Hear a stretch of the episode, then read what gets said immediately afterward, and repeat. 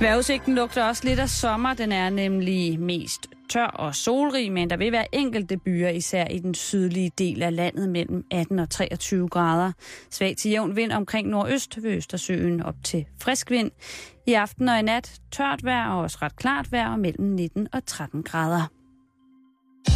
Du lytter til Radio 24 /7. Danmarks Nyheds- og Debatradio. Hør os live eller on demand på radio247.dk. Velkommen til Halløj i betalingsringen med Simon Jul og Karen Strohrup. Og øh, med det, så kan du nu de næste 50 minutter øh, enten sætte dig godt til rette, lægge dig ned, eller hvis du sidder og kører bil, så kan du med øje for selvfølgelig det allervigtigste trafikken og dine andre medtrafikanter, lytte med på ting som, hvad er det egentlig, vi mangler i de danske supermarkeder, og øh, hvordan er det med ulvebestanden pt. i Danmark? Er vi, øh, er vi op over? Er det, er det en trussel, vi skal medregne som som bærende på lige fod med, med, med pest eller guldsot. Øh, vi skal snakke om, øh, hvad Botox egentlig gør ved dig, øh, specielt i ansigtet, din ansigtsudtryk. Så er det selvfølgelig torsdag, det betyder, at vi skal runde vores nordiske brødre og søstre i Norge. Der er nyt fra Norge, og det er stærke løjergarn. Øh, det kan meget vel have noget at gøre med Johnny Depp i Nyheder fra Norge.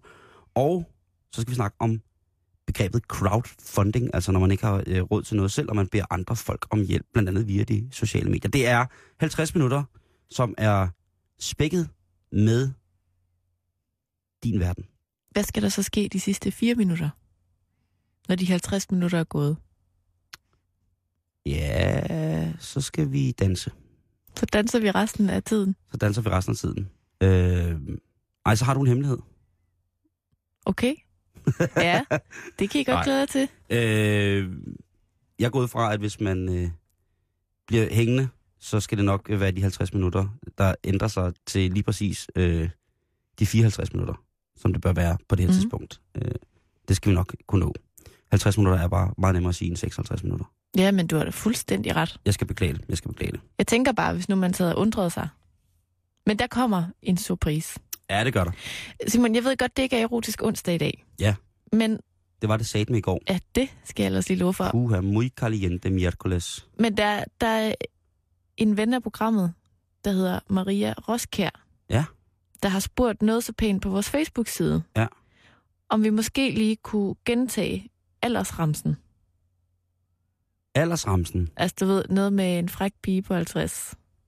Nå, så bliver du tilfreds. Øh, ja, det er over 60.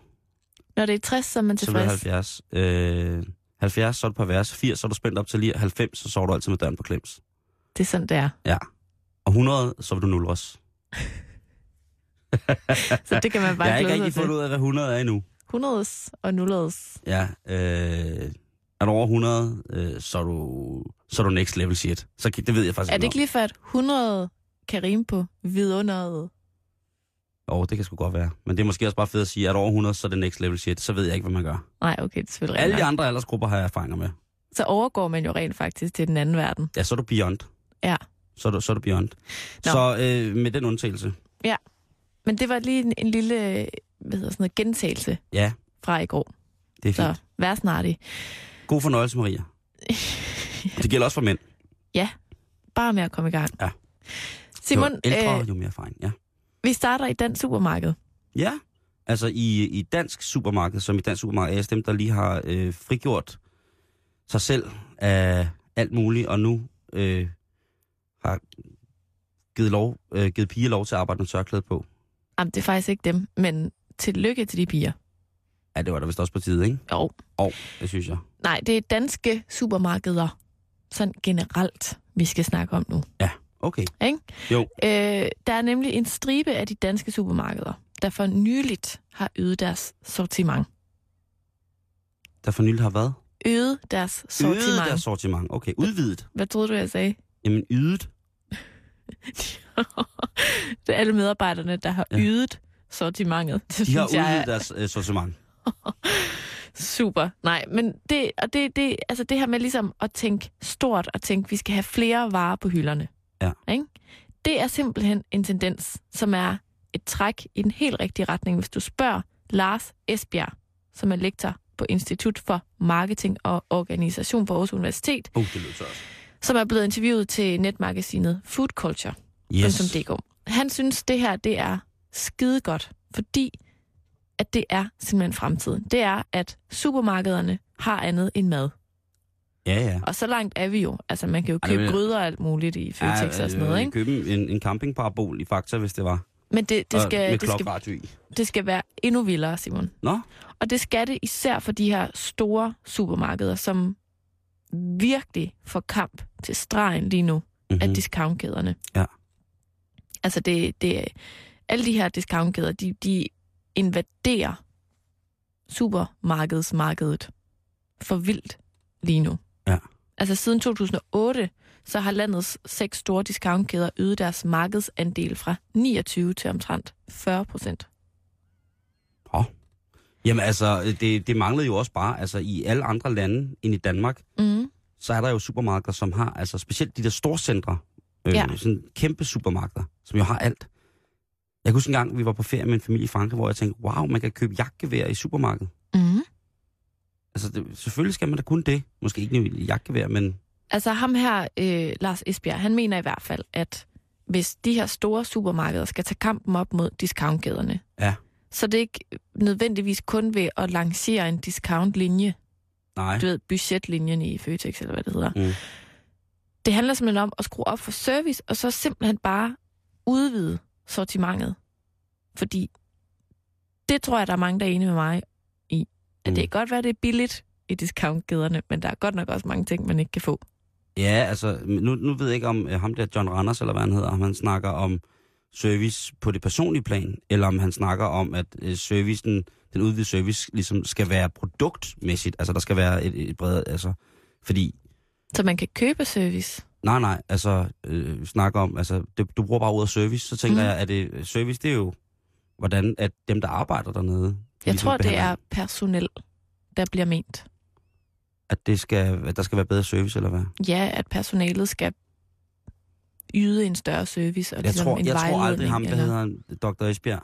Ja. Jeg tror aldrig nogensinde, han har arbejdet i, en, i, en, i et supermarked. Det Men han har sådan. forsket i de her ting i rigtig, rigtig, rigtig mange år. Jamen, Der er en stor forskel på at, øh, at forske i det og arbejde i det.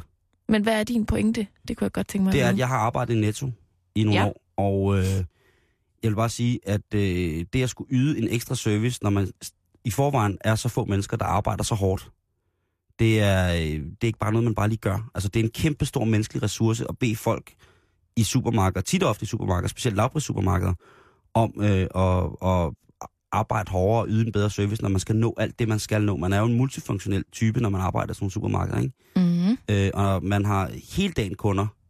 Altså, det kan også være det, er, fordi jeg lider af en, en voldsom empati til tider, men en sur kunde, eller sådan en dum bemærkning, eller sådan noget i et supermarked, det, det kan man godt blive rigtig, rigtig, rigtig, det kan man godt blive påvirket af, hvis man er. Altså, jeg, jeg vil sige til den måde, at folk siger altså, jamen, det er så nemt at yde en bedre service. Øh, for eksempel sådan en ekspert som ham der siger, men hvis man ikke selv har aflever, øh, arbejdet... At det har han ikke sagt, i, at i- det er. Han Jamen, siger ikke, at det er nemt. Han siger, at de store supermarkeder, hvis de vil tage kampen op imod discountkæderne, Ja. så skal de skrue op for det, discountkæderne ikke har. Ja. Som er øh, flere ressourcer på for eksempel personaleservice mm. og sortiment. Jamen, det er selvfølgelig ikke nok. På den måde, så havde jeg misforstået det. Det er helt sikkert misforstået det. Men i hvert fald, så hvis man kigger sådan ud fra Danmark og lidt mere rundt i Europa, hvis man for eksempel mm. kigger mod England, så er der Mhm. nogle, øh, nogle kæder, der ligesom har valgt at, jamen, lidt ligesom, øh, hedder det Coop mm. eller Coop. Jeg kalder, det, Schweizer. Coop. jeg kalder det Coop. Ja, i schweizisk er skidt. De er gået i gang med sådan noget med, med bank, for eksempel. Mm. Mm. Bankservice. Netto, mm. de har øh, telefon, du kan tanke Mhm. taletid osv. osv. Ja. Og det har man altså set for eksempel i England i, i flere år, altså. Og du kan købe rejser, altså lige pludselig bliver dit supermarked også et rejseselskab osv. osv. Og det mener ham her eksperten altså, at det, det skal man simpelthen bare skrue op for herhjemme. Det er en god idé. Altså, jeg vil jo sige, at Danmark på det punkt, hvor man kan sige, det som vi betegner som detaljledet nogle gange, har været langt, langt, langt, langt bagefter rigtig, rigtig mange lande. Og i kraft af den økonomiske krise, der har været, så er der jo kommet mange rigtig, rigtig nye spændende alliancer, som, som, som pengekriske mennesker ligesom sidder og udtænker. Hvad for eksempel? Øh. I Danmark? Mhm. Jamen for eksempel det der med, at lige pludselig skal du købe taletid, så er der samarbejde mellem et telefonselskabsudbyder og så en, en, et punkt i øh, Dansk Supermarked øh, AS for Mhm. eksempel. Øhm, det der med, at man via medlemsklubber i, for, i en brugsforening kan købe billigere rejser. Øh, Mm. Der er alle mulige crossovers, Ja. som, som, som er opstået. Øh, bilforhandlere bliver til, til, til banker, øh, og så videre, så videre. Altså, der er alle mulige muligheder nu for at gøre det. Jeg siger bare, at i mange andre lande, øh, i Thailand for eksempel, kan du betale dine flyrejser i 7-Eleven. Det er jo helt vildt. Det er rigtig, rigtig, rigtig smart. Øh, og I 7-Eleven kan du kun købe øh, dine togbilletter nu. jo, jo, men at du Det så kan langt, du gå ned og sætte penge ind på, på, dit, på dit fjernsynskort. Du kan...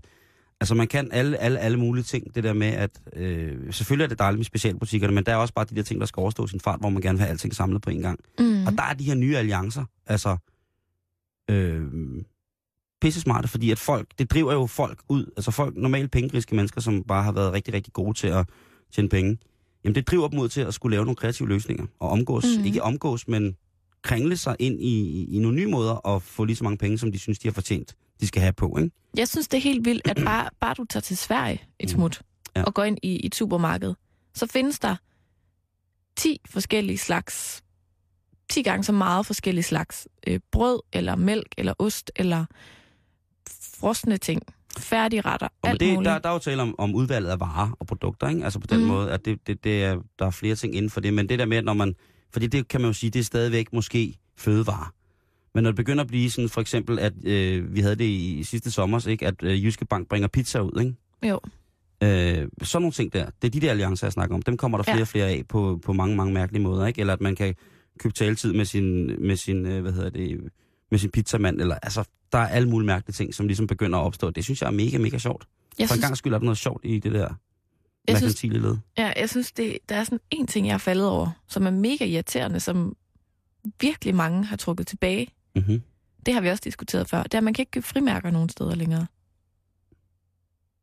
Det er derfor, jeg køber dem med mobilen, ikke? Jo. Men for eksempel, altså, der, der er også nogle ting, de ligesom tager væk fra en. Det synes jeg også Ja. er lidt skørt. Men der er det jo igen, så er vi tilbage i købmandsskolen, ikke? Udbud og efterspørgsel. Det er selvfølgelig ikke Og nok. der er to, der bruger frimærker Danmark, Karen. Og jeg er den ene, Du er den ene af dem, og så prins Henrik. lige præcis prinskamalen og dig. Vi skriver meget sammen. Ja, men det kunne jeg godt forestille Vi mig. har sådan et kædebrev, der bare ham og mig. han køber jo flere, altså hele ark bare for at slikke på dem. Han kan lige smage Han elsker det. Jeg er lidt sødt og øh, se det frimærke på. Men for eksempel Superbest og Kvickly, de Mm. har på det sidste udvidet deres sortiment med henholdsvis 1000 og 600 nye varer. Det er vildt. Det er ret meget, ikke? Altså, der er jo også mange af de store... Altså, nu siger han lavpris supermarkeds, eller discountkæderne. Mm. Hvor skiller det? Ja, Jamen- jeg, jeg kan godt regne ud, at øh, øh, brusen og netto, det er i nogenlunde i hver sin ende på nogle punkter, ikke? Jo. Men man har jo altid kunne købe masser af lort i brusen også. Jo, Og fjernsyn og regntøj. det er og, bare lidt dyrere. Ja. Og lidt mere økologisk, måske. Jeg vil nogen mene, ikke? Jo. Og et eller andet sted, hvis man er to led tilbage i leverandør, øh, hvad hedder det, leverancerne, så er man sikkert det samme sted i virkeligheden, hvor det kommer fra, ikke? Ja. Så, så det bliver spændende at se, hvad de finder på, men altså, øh, store un- unavngivende her, øh, såkaldte supermarkedskæder, der kan man jo også, altså der har jo elektronikafdelinger, og har hårde hvidevareafdelinger, man kan købe cykler, man kan købe, altså du kan jo få alt stort set, ikke? Mm. Man behøver øh, kun, altså vores bekvemmelighedsgener har pumpet os op og i, i et hjørne, hvor vi vil have alt på én gang, ikke? Jo. Og jeg kan da sagtens forstå, at hvis man bor, øh, hvis man ikke lige bor i en, en stor by, som har de her centerformaliteter, som jeg vil kalde det, til rådighed, så kan jeg da godt se, at det er rigtig, rigtig, øh, rigtig, rigtig rart. Eller hvis, hvis man bor i en stor by og ikke har mulighed for at kunne finde lige præcis det, man selv vil de forskellige steder inden for en overkommelig radius, så kan jeg godt forstå, hvis man skal køre en 10-12 km for at, øh, at købe en parker, så når man er nede og købe en parker, så kan man lige så godt også købe en cykel. Ja. Jeg kan sagtens forstå det. Øhm, Og en ny postkasse. Ja, ja. Så skal man bare, altså, så, så synes jeg, hvis man skal tage det helt personligt, så skal man så diskutere, det kan godt være, at de har taget øh, 1006 flere artikelnumre ind i deres supermarked. Mm. Man kan man sige, er det, er det forbudt at tilbyde, altså er det noget, der har hævet kvaliteten på de varer, der er der? Ja. Fordi om man ved det eller ej, så kan man sige, at der er nogle varer, nu taler jeg fødevarer, som i discountledet er voldsomt ringe kvalitet, og ikke værd at sætte mennesketænder i. Ja. Og så er der nogle steder, hvor man så betaler lidt mere for det, hvor man så siger, jamen det er, der er øh, mere styr på tingene i form af, at jamen her, der får man altså et, altså, synes jeg, lækre produkt. Er der noget, du savner at kunne købe nede i din, dit lokale supermarked? Øh, Udover spredhavl og, øh, og værktøj. Mm. Og værktøj tror jeg godt, du kan få lidt af. Kan du ikke det? Nej. En lille hobbykniv. Men der skal jeg bare lige over på gaden, så ligger der en butik, som kan, som, hvor jeg kan købe det ikke. Mm. Men hvis der er der noget, jeg savner i, øh, i mine dagligvarer... Nej, ved du hvad, det er søde drenge og piger, der arbejder begge steder. Øh, Ja. De tre steder, hvor jeg hovedsageligt handler ind. Og det er to discountkæder, og så en ikke-discountkæde. Hvor jeg vælger at, at gøre min indkøb. Og så finder man ud af, hvad man vil købe hvor. Ja. Men jeg kan selvfølgelig godt se, hvis man ikke har den mulighed, så er det jo rart, at man ligesom skal have et bredere udvalg, og sige, jamen, på øh, den, den første halvdel af måneden, der kan jeg handle i den her ende af supermarkedet, og den anden halvdel af måneden kan jeg handle i den anden af supermarkedet. Ikke? Det synes Ja. jeg er, er, er, er glimrende. Øh, man må bare ikke glemme, synes jeg nogle gange, at der er nogle ting, som der, der bliver man nødt til at betale lidt for det, før, at, øh, før det fungerer, ellers så må man finde et alternativ. Ja. Øh, og jeg, altså, på et tidspunkt om måneden, der køber man den blå pakke pålægtschokolade, og på den anden tidspunkt om måneden, så må man købe den røde pakke pålægtschokolade. Simon, vi går lidt videre Ja, til en, øh, en, en solstrålehistorie Ja, ja. inden for dansk øh, supermarkeds Yes. nyt, hvis man kan sige det sådan. Og det er, at jeg faldt bare lige over historien om, at øh, discountkæden Netto, Ja. som vi alle sammen kender, Ja. Den er simpelthen blevet kåret som den bedste detailkæde i Polen. Wow. Og det er sket i benhård konkurrence med nogle af, af verdens allerstørste aktører på detailmarkedet. For eksempel Lidl og Rossmann og Intermarché. Intermarché. Er. Intermarché. Ja. Ja. Jeg, jeg gik både fra, at det var tysk.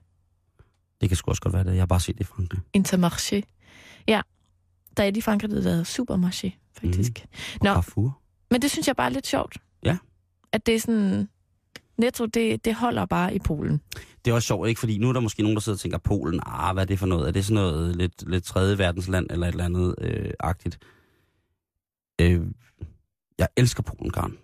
Jamen, det er også et dejligt sted. Og hvad hedder det, hvis man er i mange af storbyerne, er, er, er sjove, fordi at der er nogle af bytingene, som er blevet sat i stand, og så er der nogle, der ikke er blevet, ting, der ikke er blevet sat i stand. Ikke? For Mhm. eksempel i Warszawa. Øhm, og de har, hvis man skal sige, der er jo rigtig mange af de ting, som vi får i detaljledet herhjemme, som kommer fra Polen. Altså grøntsager, kartofler og mm. alt Mhm. muligt mærkeligt, som bliver dyrket i, i, på kæmpe store industrilandbrug i Polen. Og bliver dyrket lige så, lige så godt, kan man sige, som, som herhjemme. Øh, men det er selvfølgelig bare meget billigere. Jeg skulle lige til at sige det. Det er jo meget, meget, meget, meget, meget billigere. Så det, der er ved det, det er, det er sjovt med det der detailhandel i, i Polen, fordi sådan som jeg fornemmer det, altså ude, helt ude på landet i Polen, eller bare man kommer lidt ud fra storbyerne, så er det jo lokal handel. Altså så er det, Mm. folk har råvarerne lige ved hånden. Ja. Og så kommer der øh, sådan nogle store butikker netop, hvor det lige pludselig bliver tilbudt alt. Fordi at man kunne forestille sig, at, at man tit i Polen har skulle heldigvis gøre brug af specialbutikker. Så gik man til slagteren, så gik man til et eller andet, andet så gik man til bageren, eller man bagte selv, eller på en anden måde. Men når man går og kigger på var, sådan friskvaremarkeder i Polen, så har de jo simpelthen de lækreste ting. Fordi det er det, der kommer lige frisk fra gardnerierne-agtigt Ja. eller fra private haver, eller og det, øh, det er sjovt, at Netto så bliver kåret som, øh, som hvad hedder det, som, Det er den bedste detailkæde i Polen. det er fandme i orden. Men det skyldes blandt andet også, at de er helt vildt gode til at samarbejde med lokale leverandører. At, at de ligesom ikke øh, tager en masse danske varer med ind i Polen. Ja, Men ja, ligesom har, har sådan fået en masse rigtig gode samarbejder op at stå i Polen. det har de nok haft i forvejen, ikke? Der, kommer, der er nok rigtig mange af de ting, som vi øh, friskvarer, som vi køber i, i nogle af de her øh, detail, discountkæder i Danmark, som kommer netop dernede fra. Ikke? Så mm. De har måske haft et samarbejde i forvejen, og så de kunne køre det videre og sige, var det ikke en idé, at nu åbner vi her, og så vil vi stadig beholde jer som leverandør. Men det er jo bare meget sjovt, fordi for eksempel hvis du, hvis du handler ind i Lidl herhjemme. Ja. Altså så, så Så er du fucked. Jamen, når man tænker, at det er et utroligt stort udvalg af pølse. Altså, der er bare utro... Og det er lækkert. Lækker, lækker, lækkert skinke og pølse, men der er utrolig meget af sådan noget kødpålæg. Okay. Og der Intet af det, der er dansk. Jeg må indrømme, at jeg Det kun har handlet... Øh, han har kun handlet i en lille en gang, som lå mellem Aarhus C og Lisbjerg. Det er også lidt det samme i Aldi. Der er også utrolig meget kød på læg. Prøv lige at tænke over altså- det næste gang, du går i Aldi. Det er tysk, ikke? Jo, og det er god kvalitet, men det er bare lidt sjovt, ikke? Fordi at så, så tager de ligesom det med ind i Aldi i Danmark, hvor at, at man kunne da godt tænke, at der var lidt over det også i Polen. Ved du hvad, Ikke? jeg blande om, det er det kødpålæg, jeg købte. Jeg købte pølse. Købte du pølse? Ja. Øh, og det var en sindssygt skiden kvalitet. Nå. Det må jeg blankt indrømme. Ja. Det var sgu ikke den tyske kvalitet. Man kan også være uheldig. Øh. Øh, og, og jeg har muligvis aldrig haft en god oplevelse i Aldi. Har du ikke det? Nej, desværre. Nå. Og der har jeg ellers handlet en del, fordi en af mine kammerater, han bor lige ved siden af en, og der er det der, man handler, hvis man skal et andet. Og det, jeg ærger mig hver gang. Søde mennesker, der arbejder der. Virkelig søde mennesker. Jeg synes bare, det er lidt sjovt nogle gange, fordi alt deres emballage har nogle helt andre farver øh, end, end, end alt andet, man Ja. kan købe. Det har Deres øh, smør ser sjov ud, og deres mælkekartoner er flotte. ja, nogle, af Sådan de, lidt uh, MD Foods kløvermælk-inspireret Altså, nogle af de- design. nogle af de produkter, jeg har fået fra, fra Førmtal Supermarked, har også smagt unlike noget, jeg nogensinde havde, har, har, har prøvet. Smagte det lidt tysk? Øh, nej. Jeg, jeg, jeg, jeg, vil ikke, øh, jeg vil ikke beskrive det, fordi jeg ved, at der er mange mennesker, som køber rigtig, rigtig meget ind i alt det. Jeg synes, det er rigtig, rigtig fantastisk, og det skal de også have lov til. Men for mit vedkommende, så har jeg lidt mere end en håndfuld gange kommet hjem med nogle produkter, som var mildestalt øh, ikke menneskevenlige. Okay. Nå, men Simon, det var, det var bare øh, sidste nyt i, i, hvordan går det egentlig for de danske supermarkeder. Og de skal simpelthen sørge for at udvide deres sortiment, hvis de vil følge med tiden. Og så er Netto et hit i Polen. Det synes jeg da altid. Jeg synes, at, øh, ved du hvad, tillykke til Netto. Mm. Og tillykke til Polen for, at øh, de har fået Netto. Det synes jeg er, det synes jeg går meget godt. Selvfølgelig kan man pisse i din stikkontakt. Prøv at se her.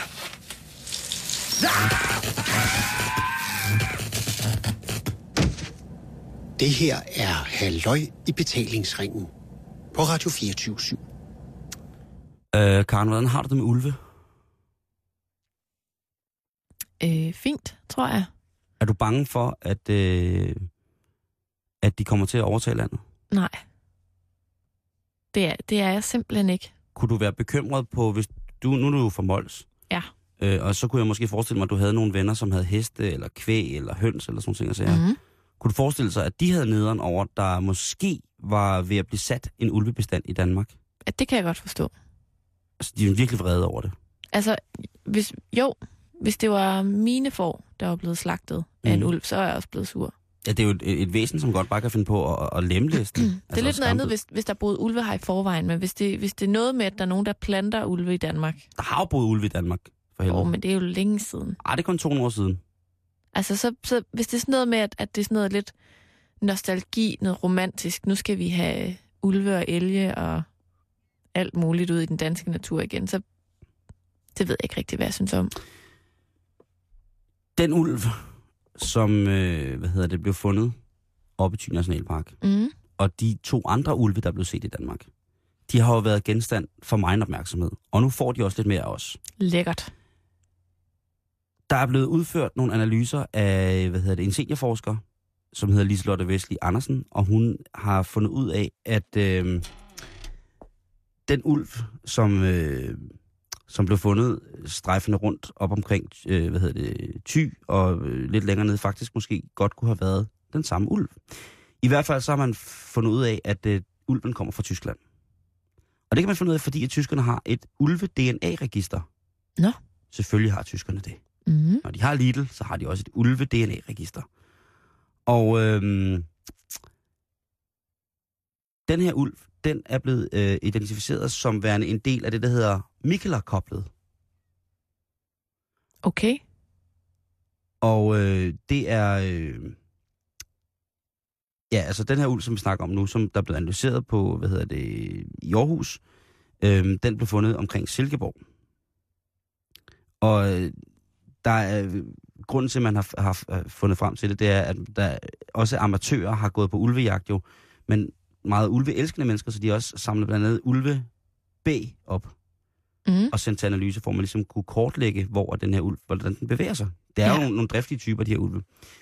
Og øh, de har simpelthen fundet ud af, at den ulv, som blev fundet, som, som der er set ved Silkeborg, eller på en eller anden måde, den er af samme kobbel, altså den har samme mor, øh, hvad hedder det, men ikke samme far, som den oppe i Thy.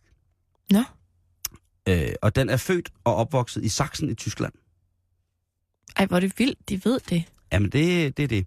De to andre ulve, som er blevet set, de er formentlig af polsk afstamning. Man har ikke kunne kortlægge øh, deres DNA, eller, eller via deres DNA finde ud af, hvor de virkelig var fra. Øh, man mener, de er øh, af polsk afstamning. Det, jeg falder over, det er, at øh, hvis det er polske ulve eller tyske ulve, så må de jo på en eller anden måde for at komme til Danmark, øh, i hvert fald for, for, for Polen måske, have, have krydset nogle floder. Eller et eller andet. Øh, hvad hedder det? I en, øh, en artikel, øh, jeg har fundet, der er det beskrevet som om, at, øh, at hvis ulvene ligesom skulle, fra det kobbel i Tyskland for eksempel, mm. skulle være kommet til Danmark, jamen så skulle de for eksempel have krydset Kielerkanalen og større veje. Og det bruger man på, at en af de ulve, som måske skulle være med, have været med i Danmark, øh, inden for det der Mikler-kobbel, blev mm. kørt ihjel på en, en, en stor vej og fundet og øh, ligesom, øh, hvad hedder det, analyseret. Mm. Så det kunne være, at de måske har været to på vej, men så den ene blev kørt ihjel, og så den anden måtte løbe alene til Danmark, ikke? Jo. Øhm, og det er, det er, jo, det er, jo, det er jo synd. Øh, men de her ulve har jo været, har været genstand for meget diskussion. Blandt andet, som vi snakker om, skal de være her, skal de ikke være her? Der er opstået på de sociale medier, for eksempel i, øh, Facebook, ulvefritdanmark.dk. Ja. Øhm, og øh, Er du sikker på, at den ikke har været der hele tiden? ulvefrit, ja, det kan faktisk godt være. Den opstod i Øhm, 2007. når, man, når man læser på den, så er det ikke for sjov. Fordi at der er nogle aktivister. Det skal lige siges, at ulven i hele Europa er fredet. Man kan få op til Okay. to års fængsel for at øh, nedlægge den, altså skyde den og dræbe den, eller fange en vild ulv og holde den i, i fangenskab. Hvis det er, at ulven øh, går til angreb på dig, så må du i nødværve godt få lov til at forsvare dig. Sådan er reglerne. Det er meget okay, simpelt. det er faktisk meget godt at vide. Det var jeg ikke klar over. Det er meget simpelt. Men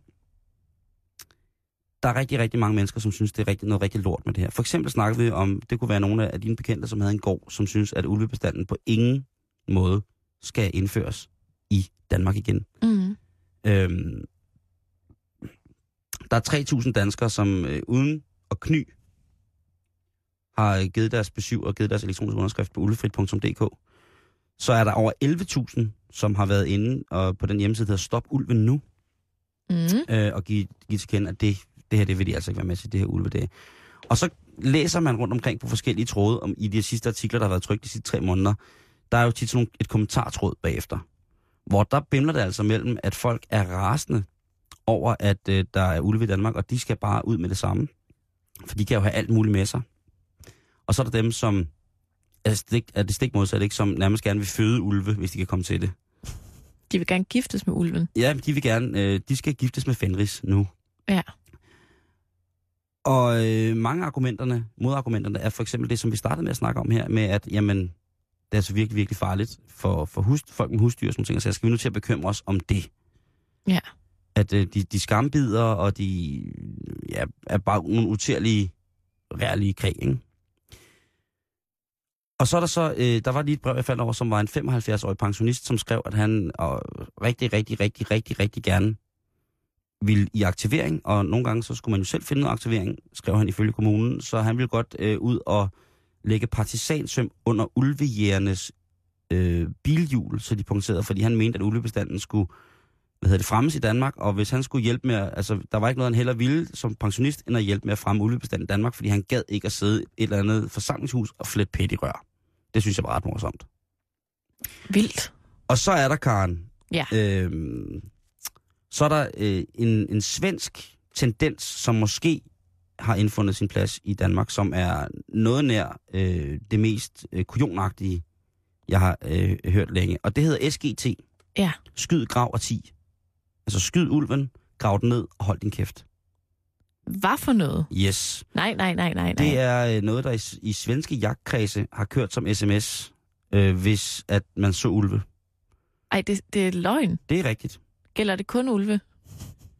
Ja, det tror jeg. Uvenner? øh, svigermødre, øh, hvad hedder det, der havde øh, svensk politi simpelthen blevet nødt til at gribe ind på anmodning for det svenske, det der svarer til Skovstyrelsen, fordi de havde fundet ud af, at der kører sådan noget, der hedder SGT i forhold til ulve, ikke?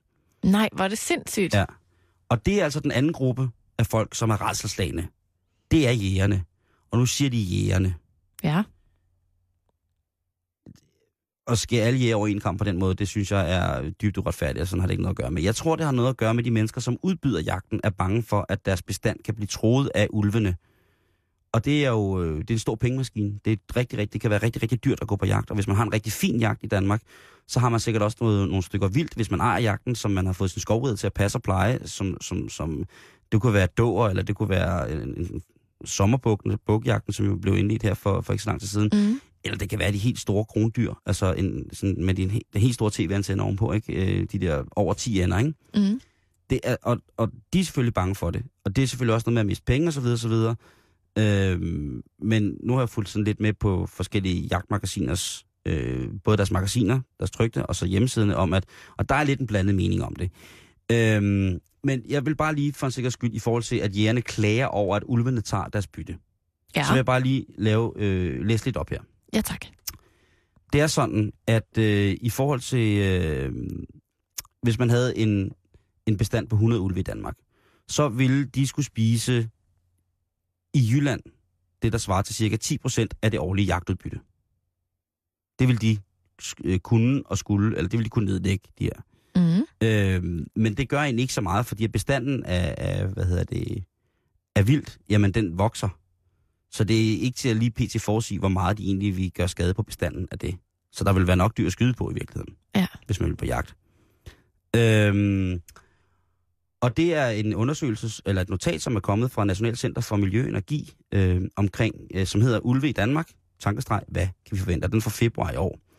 Øh, I jagtsæsonen 2011-2012, så nedlagde danske jæger omkring 83.000 rådyr og cirka 7.500 krondyr. Øhm, og, øh, og det er jo altså igen en, en, en voksen, altså voksende bestand, vi har de her øh, to ting. Øhm, og og det er ikke noget, man ligesom kan være, altså det er i hvert fald et dårligt argument. Mm. Om vi havde 100 ulve i Danmark, så ville det stadig ikke have nogen indvirkning på, hvad vi kunne skyde i, øh, i, i Danmark. Selvfølgelig, hvis de gik efter det, som der hedder trofædyr, som er det, man tjener aller, aller flest penge på øh, ved at sælge, ved, hvis man har et revir, for eksempel. Men altså, nu kan det godt være, det er et dumt spørgsmål. Nej. Men hvis nu der er 100 ulve i Danmark, så skal de jo leve af et eller andet. Mm-hmm. Det, er Altså, fuld, det er fuldstændig rigtigt. De, Men... Det kommer jo til at have en effekt på vores dyrebestanddel. På et eller andet sted jo. jo, jo, jo, jo. Der er jo nogle, det ved jeg ikke, nogle af skovens dyr, der må vige pladsen, ikke? Jo, men, men nu er det jo måske ikke sådan, så der er utrolig mange troede dyrearter i Danmark, som går frit ud, som vil være påvirket af bestanden. Nej. Og i forhold til, hvis det er en, en bestand på 100 ulve, så vil man jo stadigvæk kunne justere den bestand af ulve. Nå, Ligesom man okay. gør i Tyskland. Ja. Altså man vil jo kunne, øh, hvis det tager overhånd, ligesom gøre et eller andet. Jeg kan sagtens følge med i, at jamen, så er der øh, endnu et grundlag for, at der er flere dyr, som kan få alle mulige øh, sygdomme, som for eksempel hundedyr har i sig. Mm. Øhm, men, men jægernes angst, den er, den er jeg meget, øh, den er meget, meget, meget, meget skeptisk overfor. Øh, og, øh, eller sk- skeptisk overfor. Jeg, jeg synes, det, det, der er nok. Altså, der er nok, der, der er nok øh, vildt til alt. Mm. Øh, der er nok vildt til alt, synes jeg. Ja. Øh, man har også snakket om at, at, at, at genindføre flere, øh, altså øh, vildsvin for eksempel, ikke? som smadrer marker og alt muligt andet. Ikke? Ej, det synes jeg vil være så uhyggeligt. Med vildsvin, Ja, jeg synes, de er så uhyggelige. du kan lide aber, som jo er det mest uhyggelige i hele verden. Ja, men kan du ikke huske den eventyrfilm, der blev lavet en gang, der hedder Willow? Den med dværgen. Ja, der flygter fra sådan nogle onde, onde, onde sorte vildsvin med røde øjne. Okay, det lyder ikke fedt. Den er fra 80'erne engang. Den så jeg, da ikke var særlig gammel, og lige siden så har jeg haft lidt sådan ting med vildsvin. Jeg synes, de er vildt uhyggelige. Jamen, det kan også godt være. Det, det, Grise med, med mørke børster. Ja. Og skarpe tænder. Du det skal synes bare jeg tænke på Pumba. nøjeren. for løvernes konge. Den er også lidt uhyggelig. Og det synes jeg nu ikke. Øh, tænk på mig. Og jeg er selvfølgelig hyggelig. Øh, hvor var det, jeg kom fra det her? Jo, hvad, hvad skal der ske med det her? Altså, jeg ved, jeg ved det jo ikke. Jeg synes bare, at nu, nu, nu må det snart have en ende, det der med, at man må finde ud af, hvad der sker. Skal man kontrollere det fra start af, eller skal man ikke? Fordi hvis man skal kontrollere det fra start af, så er det jo nu, man skal gribe ind. Mm. Men jeg synes da ikke, øh, hvis jeg skal være helt ærlig, så tror jeg, at ulvene var her først. Ja, men så smuttede de jo. Så gad de jo ikke at være her mere. Altså, det er lidt sådan, det er ligesom, du kan jo ikke gå fra en stol, og så komme tilbage, og så er der en, der har sat sig på den stol, så de er sådan, hey, det er jo min stol. Nej, det er selvfølgelig rigtigt. Men der er også mange, der, øh, der påpeger, hvor mange mennesker øh, ulve dræber. Og det er også en udgørende fare. Men hvor mange mennesker dræber ulve? Øh, jeg kiggede på en undersøgelse fra 1900 og... Øh, 18? Nej, som var foretaget mellem 1970 og så up to date. Og der var der helt konkret anført øh, tre drab af ulve på mennesker. Var det så sådan nogle lidt små mennesker? Ja, der var faktisk en, der var lidt uhyggelig, en russisk dreng, som var blevet dræbt, mm. øh, dræbt af en ulv. Øhm, så, men, altså myg dræber mange mennesker. Det er, man kan selvfølgelig ikke sammenligne det, men, men den, øh, den der med, at ulvene angriber og, og vil dræbe dig, og verden bliver overtaget af ulve, den, den, den har jeg svært ved at... Er det ikke ligesom, Danmark. ligesom med hugormen? At den er faktisk mere bange for dig, end du er for den. Og det hedder ikke en æderkop, fordi den æder dig. Det hedder det bare. Ej, den havde jeg ikke hørt før. Nå. Den skal jeg da lige huske på, næste gang jeg møder nogen, der er bange for æderkopper. Simon, nu øh, skal vi snakke om Botox. Ah, det Ja. var da dejligt. Skal du have noget? Nej, det tror jeg ikke. Skal du? Har du nogensinde overvejet det egentlig? Nej. Du har sådan en flot hud. Jeg har engang overvejet for større bryster, men det er vist også det eneste. Ja, jeg ved ikke det. Bare for en periode. Bare lige sådan for at prøve det. Kan du ikke altså, du da have sådan nogle indlæg? Jamen, det er ikke, det er ikke ægte nok. Nå, okay. Altså, jeg har heller ikke overvejet det, vil jeg sige. Nej. Jeg tror ikke, jeg kommer til det. Jeg har nok, altså plastikkirurgi, det har ikke strejfet mig sådan sønderligt på et meget, meget alvorligt plan. Nej. Det må jeg nok indrømme. Men det er meget sjovt, fordi det er faktisk et, et ret stort tabu stadigvæk herhjemme. Om Plastisk kirurgi? du, ikke alt, men Botox. Er det tabu? Ja. Jeg kender der masser, der får Botox. Gør du? Ja. Hvem? Ej, men det, men det er faktisk rigtigt nok, at der, det er lidt sådan noget, man ikke øh, skilter med. Man vil bare gerne ligne en på 25, selvom man er 60, uden at der er nogen, der stiller spørgsmålstegn Jamen, ved det. dem jeg kender, de er slet ikke så gamle. Altså det er folk, som er på min alder, eller yngre faktisk. Jamen, det ved jeg godt. Der er også mange på min at- alder, der får Som det. begynder at få, øh, få Botox-behandlinger. Det kan jeg ikke forstå, der er noget tabu i. Nej, det, det kan jeg sådan set heller ikke. Men jeg tror, der generelt er lidt sådan et tabu forbundet med vores forfængelighed. Altså, det er Mm. sådan... Det er lidt ligesom, hvis, hvis der er nogen, der siger sådan, ej, hvor, hvor, hvor ser du godt ud, og sådan, har du ikke tabt dig, træner du ikke helt vildt, sådan, ej, det er ikke så galt. Og så løber man 10 km om dagen for at opretholde et vis udseende. Det har jeg i hvert fald fornemmet rigtig, rigtig mange steder. Det kan godt være, at man skal være på min alder for at fornemme det. Ja, det tror jeg. Men jeg tror også, det foregår på din alder. Måske, Jo, jo, selvfølgelig gør det det. altså jeg ved ikke, altså i hvert fald så er der et, et lille tabu forbundet med det der med at bruge rigtig, rigtig mange penge på at komme til at se yngre ud. Ja. Det skal helst være noget, der sker helt naturligt. Mm-hmm. Og hvem har ikke også misundet folk, der helt naturligt bare har en rigtig flot hud? Det Ja. vil jeg som kvinde gerne sige. Okay. Men i hvert Jeg, fald, jeg har ikke uh, umiddelbart misundet nogen, fordi de havde en flot hud. har du ikke det? Nej. Det oh, må jeg nok- synes, det er flot. Okay. Det må jeg sige. En flot hud. En rigtig flot hud. Hvad er en flot hud, Karen? En flot hud, det er sådan en, en, øh, en, en saftig, lidt spændstig hud, der er sådan lidt glat. Men med nogle, måske en lidt charmerende smilerynke, eller lidt, lidt... Altså, den behøver ikke at være sådan fuldstændig ensartet, Photoshop-agtig, men sådan en, en flot... Altså, du har selv nævnt Johannes Schmidt Nielsen flere gange, Det er og hendes rigtigt. hud. Ja, men det er hendes farve, hudfarve. Jamen, det går ligesom ind under hud. Jeg har en flot hudfarve. Hun kan jo sagtens have en saftspændt, spændstig hud, Johanne, og så være helt askegrå. Jamen, det er selvfølgelig rigtigt nok. Michael Jackson skiftede jo også farve. Han havde sådan en flot hud. Det kan jo godt være, at det, det Johanne har. Om ikke andet, Simon, så er der de seneste år registreret en ret stor stigning i Danmark i brugen af, af den her nervegift, som det jo er, Botox, Ja. øh, som, som plastikkirurger altså bruger til at lamme muskler i ansigtet, og på den måde glat huden ud. Altså, jeg troede jo i lang tid, at Botox var sådan noget, man, man sådan fyrede ind, der ligesom lagde sig i rynkerne. Men, men det er jo så sindssygt det der med, at du lammer bare muskulaturen. Ja, ja. Har du da ikke mærke til de der øh, folk, man kigger på i fjernsynet, som når de siger noget, så kan man ikke se, deres ansigt bevæger sig? Jo. Altså, de taber deres mimik på Mm. gulvet. Og, og det er faktisk det, vi skal snakke om. Ja. At det er faktisk, der er nogle ret store konsekvenser ved det her. Så hvis du, kan lytte og sidde og overvejer at få Botox-behandling nummer 30 Ja. eller nummer 1, så lyt lige lidt med. Yes. Der er ikke noget her, der siger, du skal gøre det, eller du skal ikke gøre det. Det er bare lidt, lidt pussy information. Ja, fordi enten så får man noget sådan noget smeltefjes, hvor det hele det hænger sådan... Øh, eller så får du øh, maske, maskefjes, ikke? Ja. Anyways, altså, det glatte look, Simon, det ja. er simpelthen blevet trendy. I ansigtet, ikke? Ja. Det er ikke, det er ikke så meget andre steder. Nej.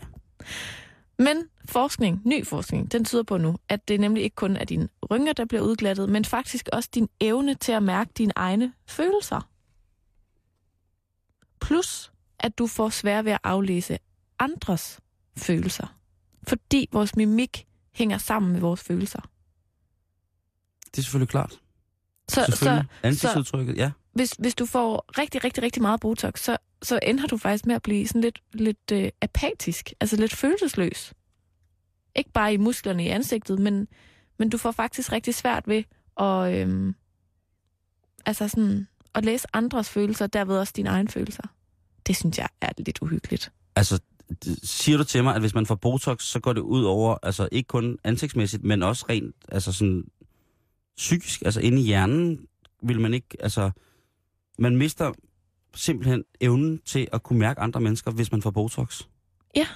Det er, er du sikker på det? Det lyder sat, det er fandme sindssygt. Jamen altså det her med, at, at Botox-brugere har lidt vanskeligere ved at mærke egne følelser, det har åbenbart været kendt længe. Det, der er nyt, det er, at brugere af det her nervetoksin, de bliver dårligere til at aflæse andres ansigter.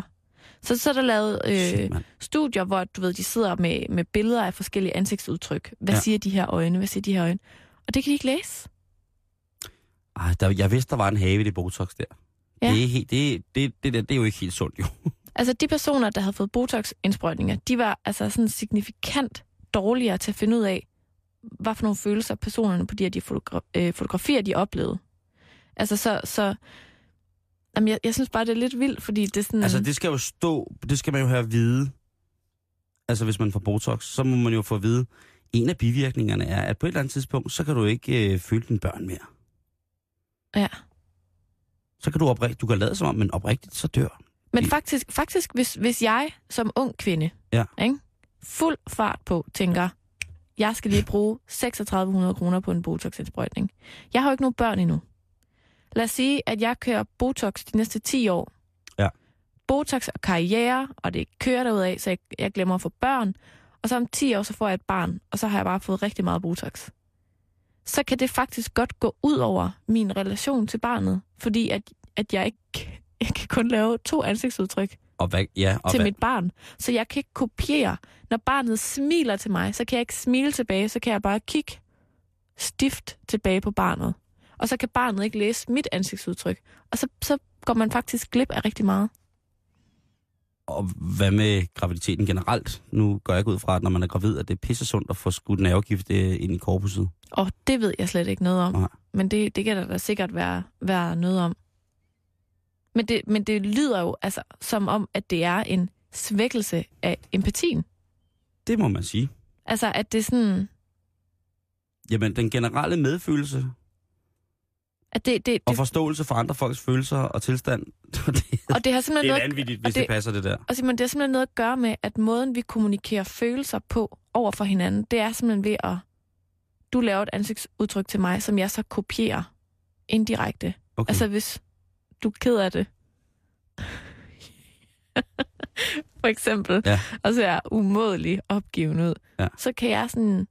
I medfølelse, sådan, så kommer jeg ubevidst til at kopiere dit ansigtsudtryk. Og så kan jeg se, ah, nu føler du med mig. Altså, vi føler der er- sammen, der er at det er synd. Din empati gør, at jeg føler mig tryg ved... Jamen, jeg kan godt se det. Det burde faktisk næsten stå på en... Øh, det burde man ligesom kunne... Øh, kunne, hvad hedder det, jeg så et program i går fjernsynet, hvor at øh, bilforhandlerne, øh, de ikke ville skrive uden på deres bilbutikker, hvordan øh, de revsede dig, Mm. når de, øh, når de gav dig et billån. Jeg synes faktisk godt, at øh, både bilforhandlere skulle gøre det, men også at Botox læger, og sådan, der lever af det, skulle fortælle, prøv at høre, der er altså en stor chance for, at du bliver øh, empatisk handicappet på et tidspunkt, hvis du fortsætter de behandlinger. Altså man kender det jo selv fra, hvis, hvis nu at, at jeg sidder og taler med et menneske, vi tager samme eksempel, at jeg sidder og er umådeligt trist, og vedkommende så bare glor helt følelseskoldt på en. Altså det er ikke særlig empatisk, vel? Men hvis han så eller hun sagde, ved du hvad, jeg føler helt vildt med dig, men jeg kan ikke give udtryk for det rent ansigtsmæssigt, fordi jeg har fået så meget Botox. Det kan være, at man skal have sådan nogle, øh, kender du de der briller, sorte briller, hvor der sådan er tegnet øjne indeni?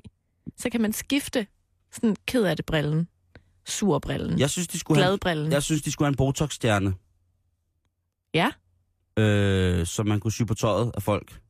Så man havde en bedre forståelse for dem. og sådan et lille kort i ens tegnebog. Lige præcis.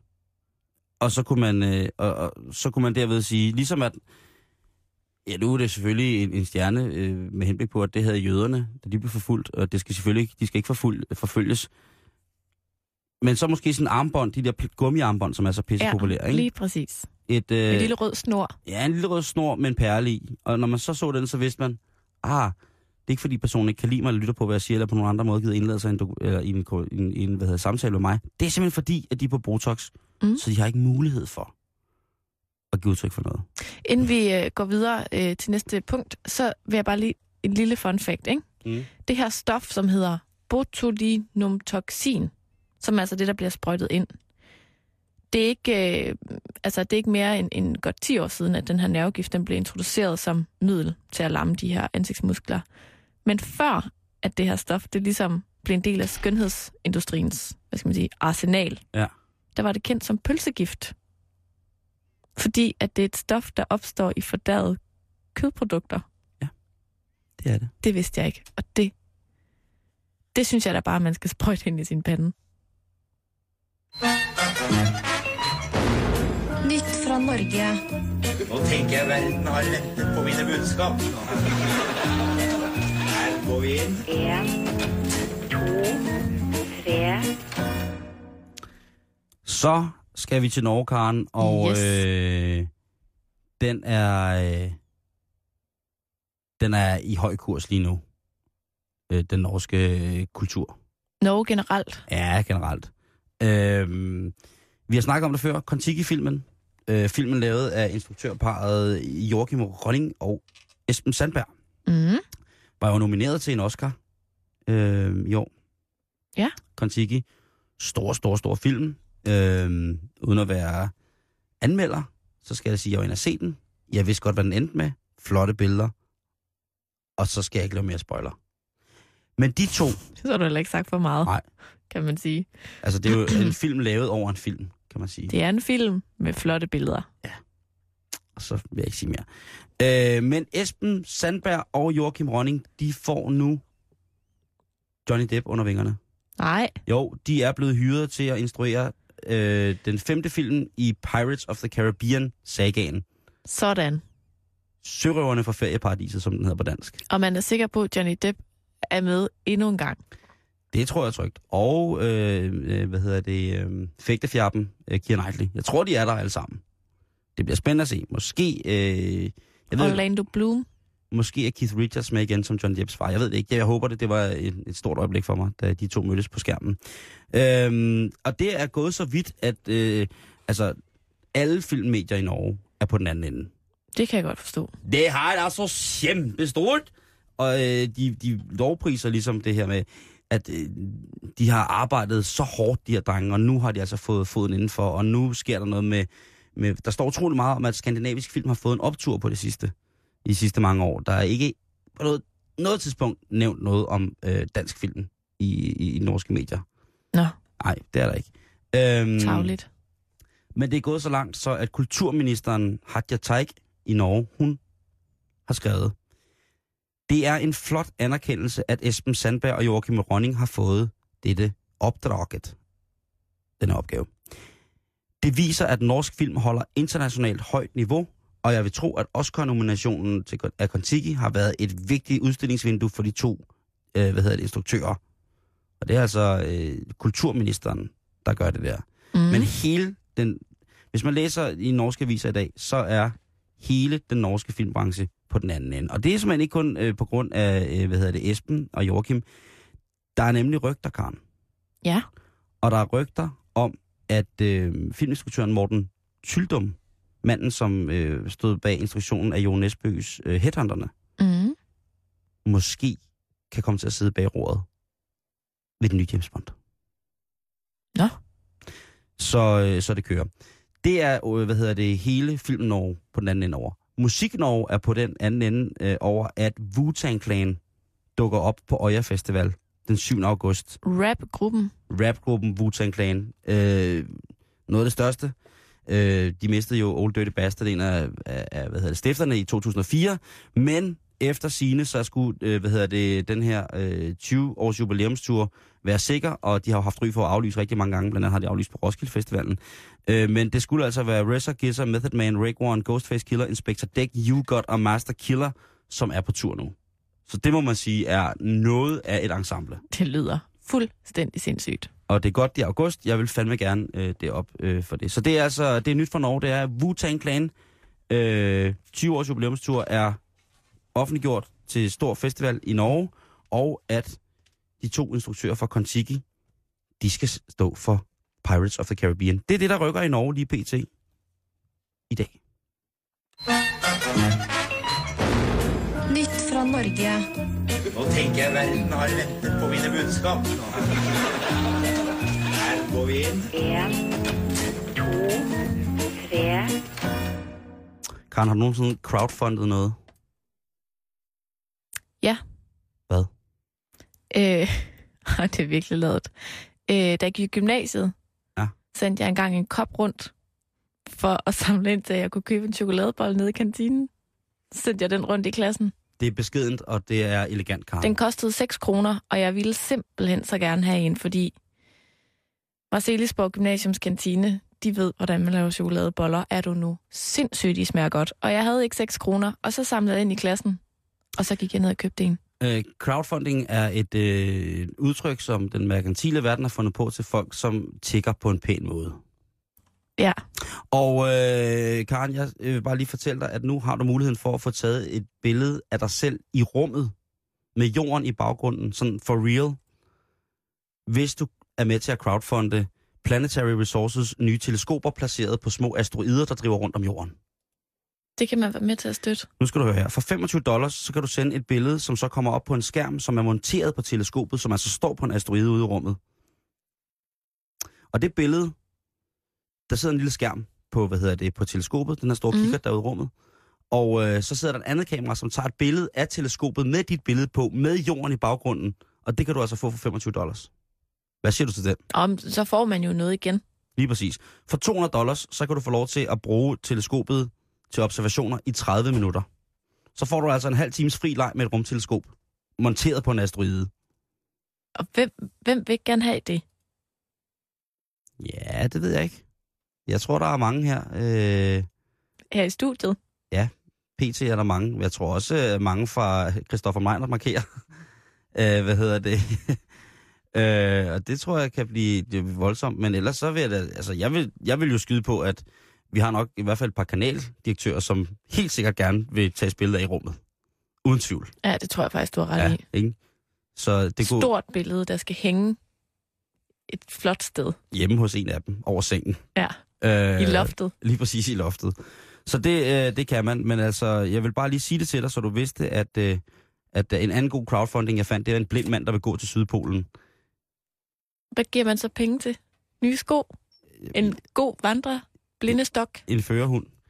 Jeg ved, jeg ved det ikke, men øh, det hedder Polar Vision, og der er altså en gut, som i blinde skal gå til Sydpolen fra et sted i USA. Og det mener jeg på et Det kan andet godt blive en våd affære. Jeg skulle lige til at sige et det. På et tidspunkt. tidspunkt, så er der noget vand, som der skal, som der skal baseres. Og hvis han så også vil svømme i blinde i stærk strøm, så er jeg næsten, næsten sikker på, at det kommer til at få en fatal ende. Så det vil jeg ikke sætte mine penge i. Jeg vil hellere give ham en masse penge, hvis han gennemfører.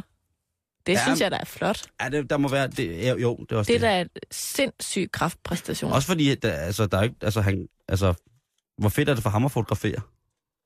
I rummet? Nej, på vej til... Hvad skal han bruge det til? Nej, det ved jeg da heller ikke.